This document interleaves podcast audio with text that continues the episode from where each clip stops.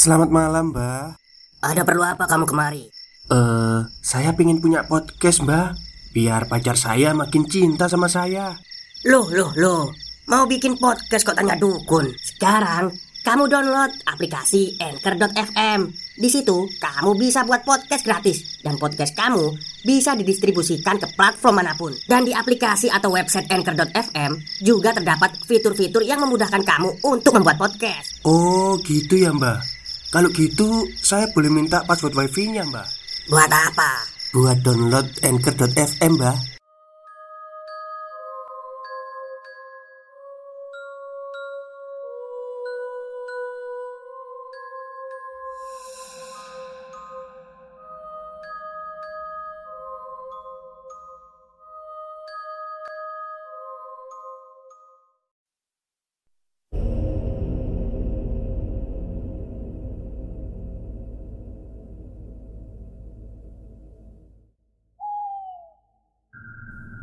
Assalamualaikum warahmatullahi wabarakatuh. Halo semuanya. Jumpa lagi dengan saya Chow Sing Sing Kurator dari Podcast Horror Night Story. Halo, apa kabar semuanya? Semoga kalian sehat-sehat saja ya. Dan seperti biasanya pada malam hari ini Saya kembali dan akan membawakan sebuah kisah mistis untuk kalian semua. Kisah mistis kali ini saya datangkan dari Mas Agil Saputra yang menceritakan tentang sebuah rumah yang ada di Semarang. Dan katanya sih rumah itu memang nyata, maksudnya itu memang ada gangguan nyata di dalam rumah itu. Seperti apa kisahnya? Mari kita simak. Cerita ini adalah pengalaman dari Ibu Sulami saat menghuni rumahnya yang ada di pinggiran kota Semarang di era 70-an. Seperti biasa, saya akan menceritakan dari sudut pandang Ibu Sulami. Semarang 1960. Di tahun inilah rumah ini dibeli oleh ayah saya bersamaan dengan lahirnya beberapa bulan kemudian saya. Jadi, bisa dibilang saya tinggal di rumah ini dari lahir. Sebagai gambaran, ini adalah rumah biasa dengan sepetak pekarangan yang cukup luas di belakangnya. Sejak pertama kali ditempati, di pekarangan itu sudah tumbuh tiga pohon, yaitu sawo, mangga, dan bambu.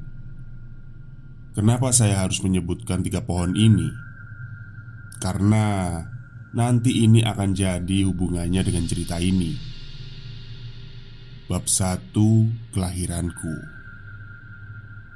Ada sedikit cerita tentang lahirnya saya yang kebetulan saya lahir di rumah ini Di bulan Juli 1960 Kata ibu, Waktu itu sekitar jam satu malam. Ibu membangunkan bapak karena ingin buang air. Kebetulan Letak kamar mandinya terpisah dari rumah Berada di belakang rumah. Akhirnya dipapahlah ibu menuju kamar mandi dan di pertengahan jalan Bapak mendengar suara anak ayam Yang sepertinya bersumber dari dekat pepohonan.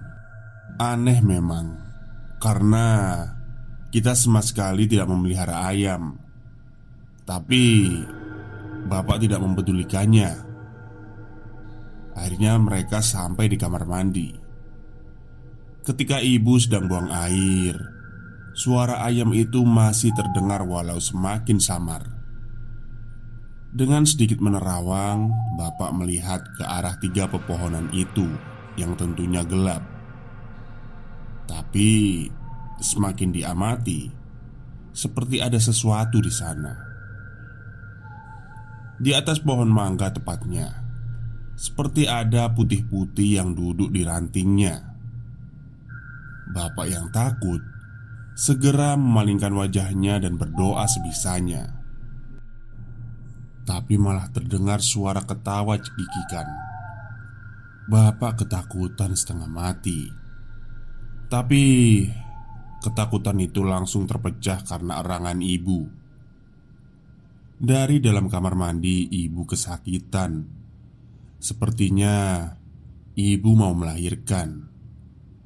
Di situ bapak langsung menggendong ibu menuju kamar. Sementara suara cekikikan itu masih terdengar seakan mengikuti sampai ke kamar. Di situ ibu juga mendengarnya, tapi suasana sudah terlalu panik. Sementara itu, bapak segera mengambil sepeda kayu untuk memanggil bidan, dan di situlah ibu saya ditinggal sendirian di rumah. Cukup lama, hampir satu jam, karena Jarak ke rumah bidan itu hampir 2-3 kilo Dan di sinilah terjadi pengalaman yang tidak pernah bisa ibu saya lupakan Jadi di tengah ibu menahan sakitnya Di balik jendela kamar terdengar suara cekikikan Sembari mengetuk-ngetuk Ibu saya yang ketakutan hanya bisa rebahan sambil berdoa memegang tasbih. Tapi suara itu semakin menjadi-jadi, seperti mengejek. Ibu melihat ke arah jam yang kira-kira menunjukkan hampir jam 2. Tapi suara itu masih juga ada. Semakin lama mulai timbul rasa marah dari dalam ibu saya. Dengan sekuat tenaga, dia melempar tasbih yang digenggamnya ke arah jendela dan berkata, "Kalau berani, keluar kamu!" Sejenak, suara itu berhenti. Suasana malam itu hening, tapi tiba-tiba terdengar suara wanita di balik jendela itu. Suaranya agak serak.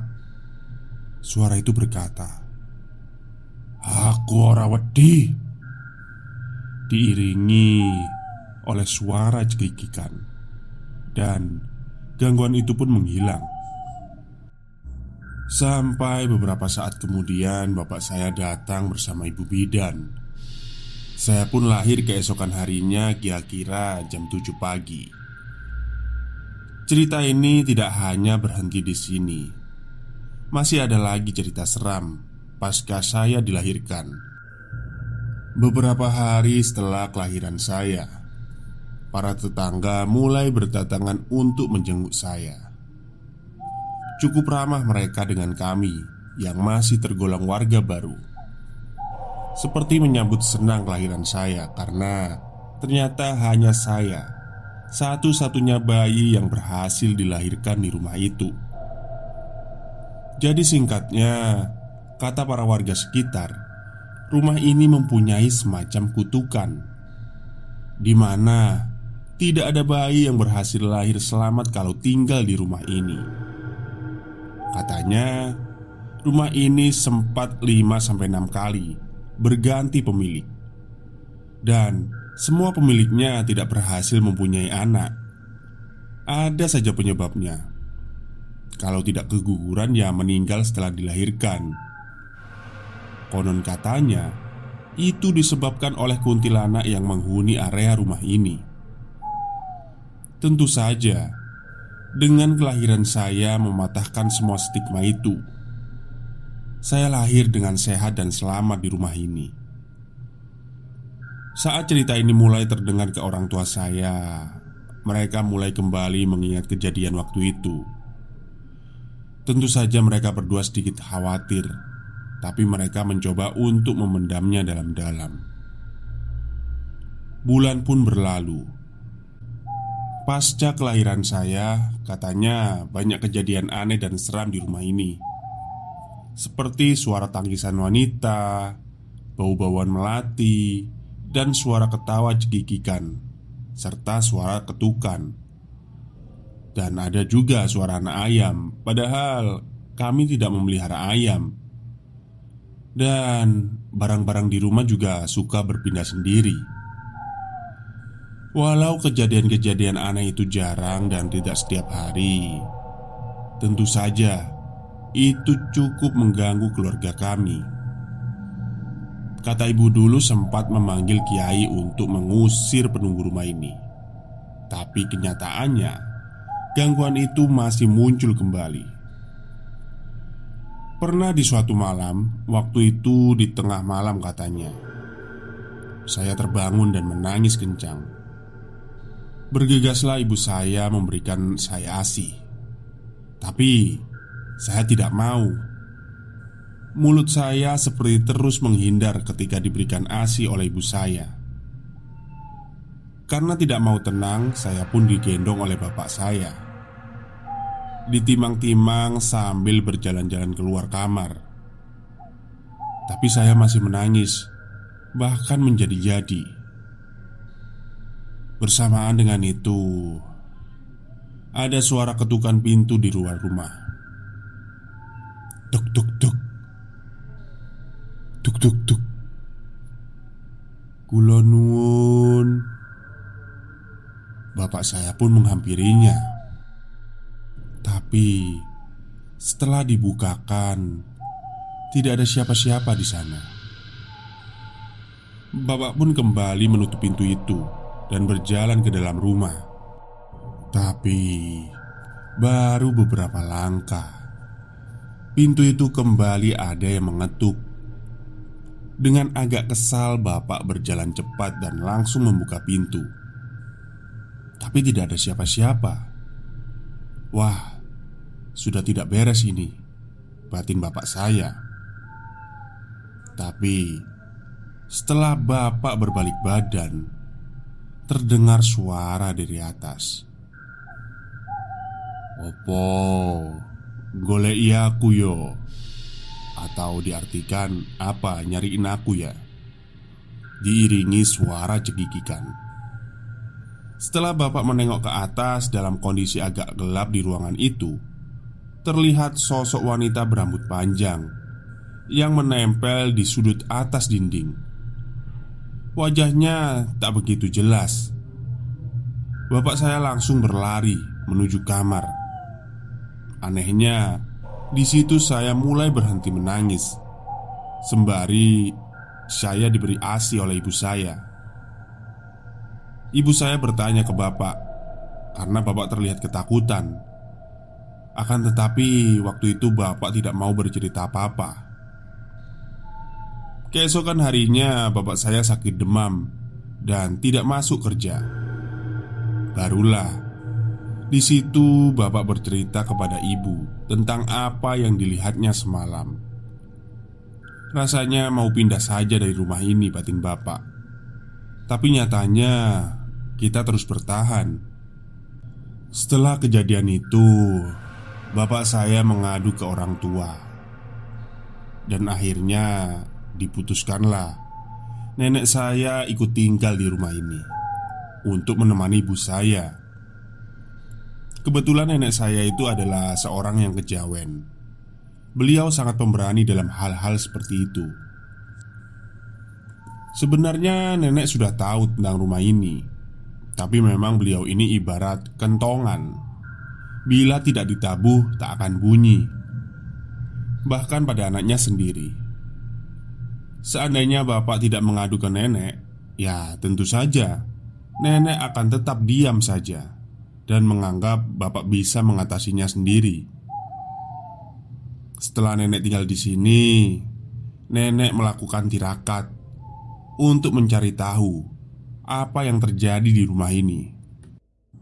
Dan singkat cerita, dalam tirakatnya nenek ditemui oleh sosok kuntilanak yang katanya menghuni di salah satu pohon yang ada di belakang rumah ini.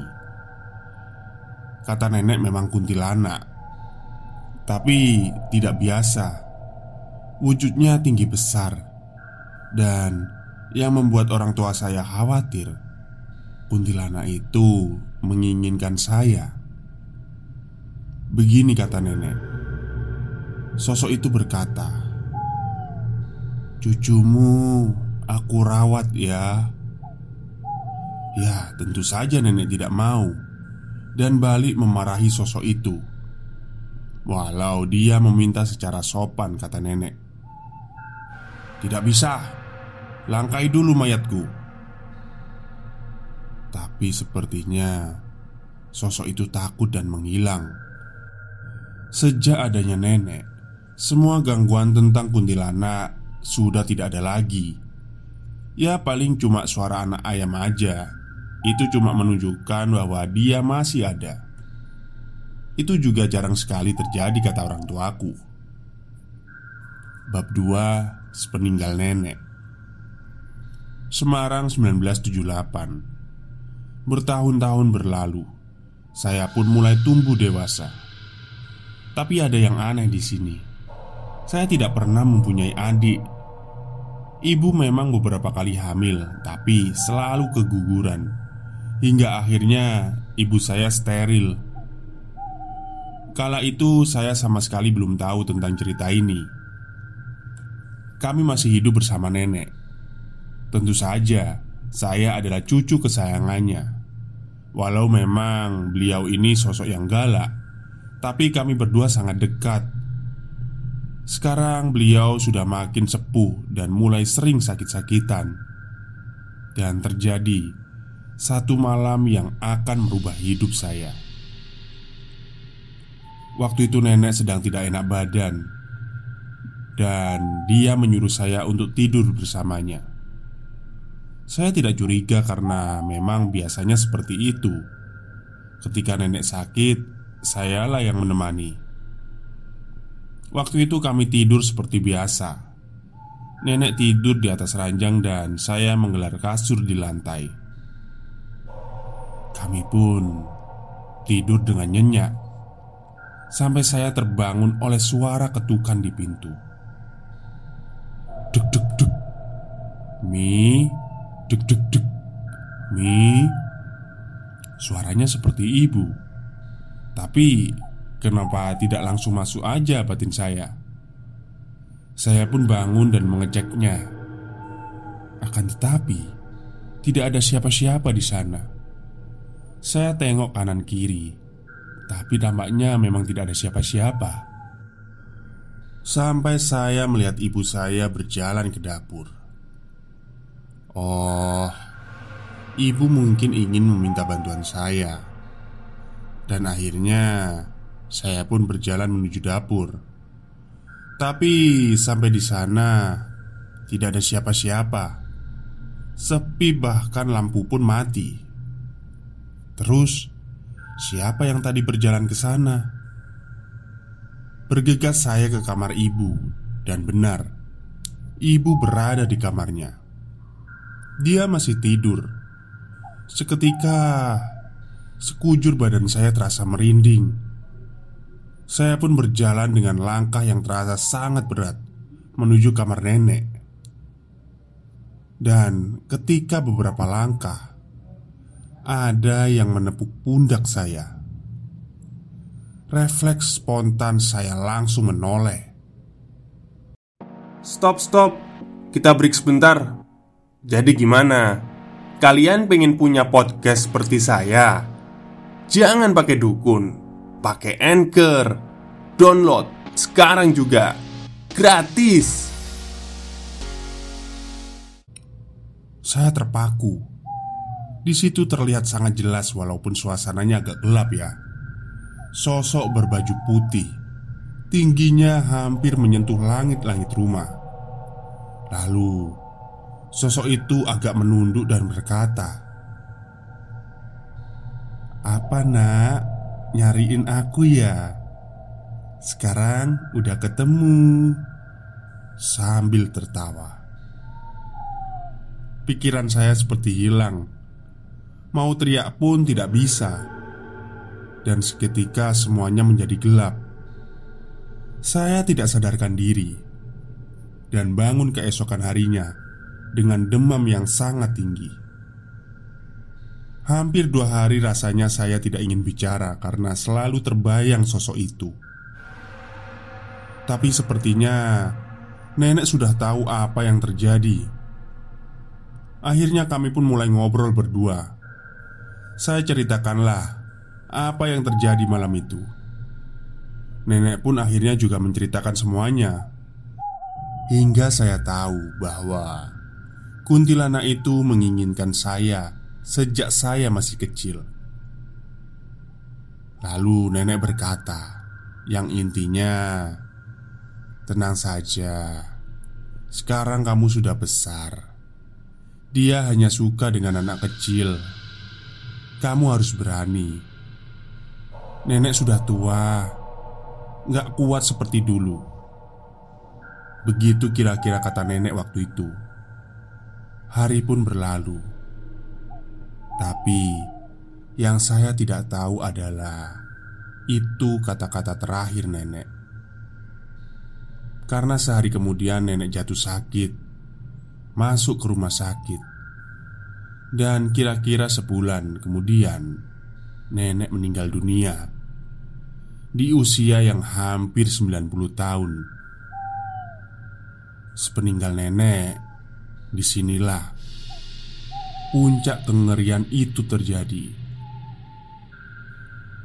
Kira-kira 40 harian setelah kepergian nenek, mulai hal-hal aneh terjadi. Sore hari, bapak dan ibu saya berpamitan mau pergi sebentar ke rumah kerabat. Saya yang masih di kamar cuma iya-iya aja Sembari melangkah pergi Orang tuaku berpesan Agar tidak lupa menutup pintu dan jendela Saya yang tengah membaca buku waktu itu Tak terasa Waktu sudah menjelang maghrib Saya yang memang penakut Memutuskan untuk pergi ke rumah tetangga Dan akan kembali kalau bapak dan ibu sudah pulang nanti. Tapi sebelum itu, saya harus menutup pintu dan jendela. Saya tutuplah pintu belakang dan jendela-jendela dengan agak tergesa-gesa, dan sampailah di kamar orang tua saya karena memang jendelanya belum tertutup. Tapi ketika saya masuk, saya benar-benar kaget karena ada ibu di situ, sedang duduk di depan cermin. Tak jelas raut wajahnya karena memang hari sudah petang. Di situ, saya tidak berani masuk. Saya langsung berpikir bahwa itu bukanlah ibu saya. Saya berjalan perlahan mundur dan lari keluar rumah. Hingga sekitar pukul 8 malam Ibu dan bapak saya datang menjemput Setelah itu saya memang sengaja Tidak menceritakan kejadian itu kepada orang tua saya. Karena saya tidak mau membuat mereka gelisah dan berpikir macam-macam. Seperti kata nenek saya juga Saya harus menjadi wanita yang kuat. Walaupun sebenarnya saya mulai agak tidak betah tinggal di rumah ini. Selang hari, saya mulai mendengar suara anak ayam berkeliling rumah. Sudah aneh memang, karena sekali lagi kami tidak pernah memelihara ayam. Saya tidak mau ambil pusing. Saya tarik selimut dan tidur, tapi tengah malam lagi-lagi saya dibangunkan oleh suara ketukan Suara itu berasal dari pintu kamar. Saya diamkan saja Tapi Ketukan itu berpindah ke jendela. Jelas sekali Karena Berada tepat di atas saya. Saya yang ketakutan bersembunyi di dalam selimut. Tapi di balik selimut, suara ketukan itu masih saja terdengar. Dan tentu saja, saya tidak bisa tidur. Kemudian, saya mendengar ada suara pintu kamar terbuka. Saya yang melihat dari balik selimut, sepertinya ada orang yang masuk. Karena memang lampu tidak saya matikan terlihat bayangan itu. Saya langsung merasa itu bukan bapak ataupun ibu. Sosok itu terlihat semakin mendekat. Saya yang takut langsung memejamkan mata sambil berdoa sebisanya. Dan terasa ada yang mengelus-ngelus badanku.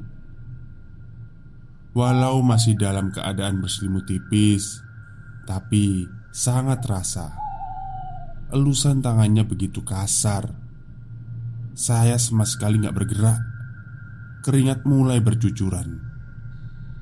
Sambil terus berdoa, perlahan sosok dan elusan itu sudah tidak ada lagi. Saya menguatkan diri untuk menyingkapkan selimut ini, dan ketika saya membuka selimut, tidak ada siapa-siapa di sana. Tapi di situ pintu kamar saya tertutup sendiri dengan perlahan, disusul suara lirih tertawa. Suasana seketika hening. Saya mencoba bangkit dari tempat tidur untuk mengunci pintu. Tapi ketika saya hendak berjalan, seketika pintu itu terbuka, terbanting keras hingga membangunkan bapak dan ibuku. Beberapa saat kemudian, bapak datang memeriksa kamar saya dan bertanya, "Ada apa?" Saya pun menangis dan menceritakan hal yang terjadi. Malam itu saya tidur bersama ibu dan bapak. Walaupun sebenarnya saya tidak tidur sama sekali hingga pagi menjelang. Keesokan harinya, saya kembali demam. Di situ akhirnya kami semua saling bercerita. Karena setelah nenek meninggal, memang kita semua diganggu oleh sosok kuntilanak itu. Akhirnya bapak dan ibu berembuk untuk mencari solusi. Dan bapak ingat Ada teman nenek yang masih hidup. Teman sesama orang kejawen. Akhirnya bapak menemui orang itu. Namanya Eyang Jiwo.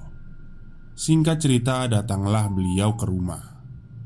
Orangnya kalem Bahasanya kromo injil Perawakannya juga ramping Tatapannya sayup. Saya sempat meragukannya karena Karakternya beda sekali dengan nenek saya Yang galak dan tatapannya tajam. Tapi ternyata saya salah. Di situ Eyang Jiwo berkata Waktu dulu almarhum Mbak Suratmi Itu Mbak Suratmi sudah pernah bicara ke saya Kalau rumah ini ada penunggunya. Kami pun akhirnya ngobrol panjang lebar. Di tengah obrolan, Eyang seketika memotong pembicaraan dan meminta air serta sapu lidi. Waktu itu hari masih siang. Lalu beliau mengajak kita semua ke belakang rumah. Eyang mulai menyapu di bawah tiga pohon itu. Kami masih bingung sedang apa Eyang Jiwo? Lalu Eyang menyuruh kami mendekat Menuangkan air di tanah bawah pohon sawu Beliau menyuruh bapak mengambil wangkil atau cangkul kecil Dan menyuruh bapak menggali tanah yang sudah dibasahi air itu Bapak pun mulai menggali tanah itu Lumayan dalam Hingga seukuran lengan orang dewasa. Dan tahu apa yang ditemukan? Beberapa serit kutu Kalau tidak salah jumlahnya sampai 7 sampai 8 buah. Dan ibu mulai mengingat Itu adalah serit punya ibu yang hilang. Dulu Serit itu selalu ditaruh di samping bantalku Ketika saya masih bayi Bersama gunting dan pisau kecil Katanya untuk tolak bala. Tapi setiap hari Serit itu selalu hilang. Ibu membeli lagi Dan hilang lagi Ketika ditaruh di bawah bantalku. Sungguh tidak masuk akal Kata Eyang Jiwo. Serit ini diambil kuntilanak itu Dikumpulkanlah serit itu dan Eyang Jiwo menyuruh bapak untuk menggali lebih dalam dan ditemukan lagi gumpalan rambut yang berbau busuk. Eyang Jiwo mengambil rambut itu dan membentangkannya. Di sini sangat aneh karena rambut itu panjangnya hampir 3 meter. Rambutnya agak gembel dan baunya sangat busuk. Mbah Jiwo meletakkannya bersamaan dengan serit-serit itu. Dan beliau mengajak kita semua masuk lagi ke dalam rumah. Dia akan marah karena ini, kata Eyang Jiwo. Tapi ini memang harus dilakukan sembari menunggu malam. Eyang Jiwo terus bercerita tentang nenek saya. Kata beliau, nenek saya sebenarnya bisa melakukan ini, tapi dia tidak tega karena menurut kepercayaan Jawa, mereka makhluk halus juga punya kehidupan. Jadi, menurut nenek, bila kita dan mereka saling bersinggungan, lebih baik jauhkan saja. Jadi, yang selama ini nenek lakukan hanya menahan saja agar kuntilanak tidak mengganggu. Tapi, sepeninggal nenek mungkin tidak ada lagi yang menahan, sehingga sosok itu kembali mengganggu. Begitulah penjelasan Eyang Jiwo. Ini sudah melampaui batas. Jadi harus ditindak Kata beliau. Singkat cerita malam pun tiba. Eyang akan melakukan pemindahan. Tapi Eyang Jiwo tidak sendiri. Beliau bersama Mas Panggi Keponakan Eyang Jiwo Ritual dilakukan tepat di depan tiga pohon itu. Jadi di situ ada Bapak, Eyang Jiwo, dan Mas Panggi. Sedangkan saya dan ibu disuruh menunggu di dalam rumah. Jadi apa yang dilakukan di situ saya tidak begitu tahu. Saya dan ibu menunggu di dalam rumah hingga kurang lebih 1 sampai 2 jam. Sampai kami hampir ketiduran. Tapi sekitar jam 2 malam Kami mendengar ada suara tangisan Dan rintihan wanita dari belakang rumah. Bergegas kami mengintip dari balik jendela. Terlihat kobaran api. Mas Panggi yang duduk bersimpu menghadap ke arah kami Dan bapak serta Eyang Jiwo Yang bersila menghadap ke arah sebaliknya Suara tangisan itu sepertinya keluar dari mulut Mas Panggi. Tapi benar-benar seperti wanita. Dan sepertinya dia dirasuki. Terlihat Eyang sedang berdebat dengannya. Aku dan ibu mengintip dari balik jendela. Tapi tiba-tiba Eh, sini kamu. Kau usah ngintip-ngintip. Kata-kata itu keluar dari mulut Mas Panggi Suaranya benar-benar seperti perempuan. Eyang pun memanggil kami berdua. Kami menghampiri dengan gugup Setengah ketakutan. Kami pun duduk bersama. Di situ Eyang Jiwo menjelaskan bahwa Inilah sosok yang selama ini mengganggu di rumah ini. Lalu dia segera menyambar pembicaraan kami Dengan bahasa Jawa Yang intinya Kalianlah yang menggangguku. Perempuan sundel itu mengurungku selama 17 tahun. Perempuan yang dimaksud itu adalah nenek saya. Sekali lagi saya menatap mata Mas Panggi. Dia balik menatapku. Sangat mengerikan. Wajahnya menjadi terlihat tua. Kantong matanya hitam. Dengan ludah yang terus keluar. Baru kali ini saya melihat orang kesurupan. Dia seperti akan mengamuk. Kemudian Eyang Jiwo membakar satu serit dan dia pun merintih seperti kesakitan. Di situlah Eyang mulai mengajak dia berunding Yang intinya menyuruhnya untuk pindah dari rumah ini Dia tidak mau Dia bilang aku lebih dulu tinggal di sini Lalu Eyang kembali membakar seritnya Sembari kembali berunding Dia memohon ampun seperti kesakitan Tapi dengan dingin Eyang berkata Kamu mau pakai cara halus atau kasar?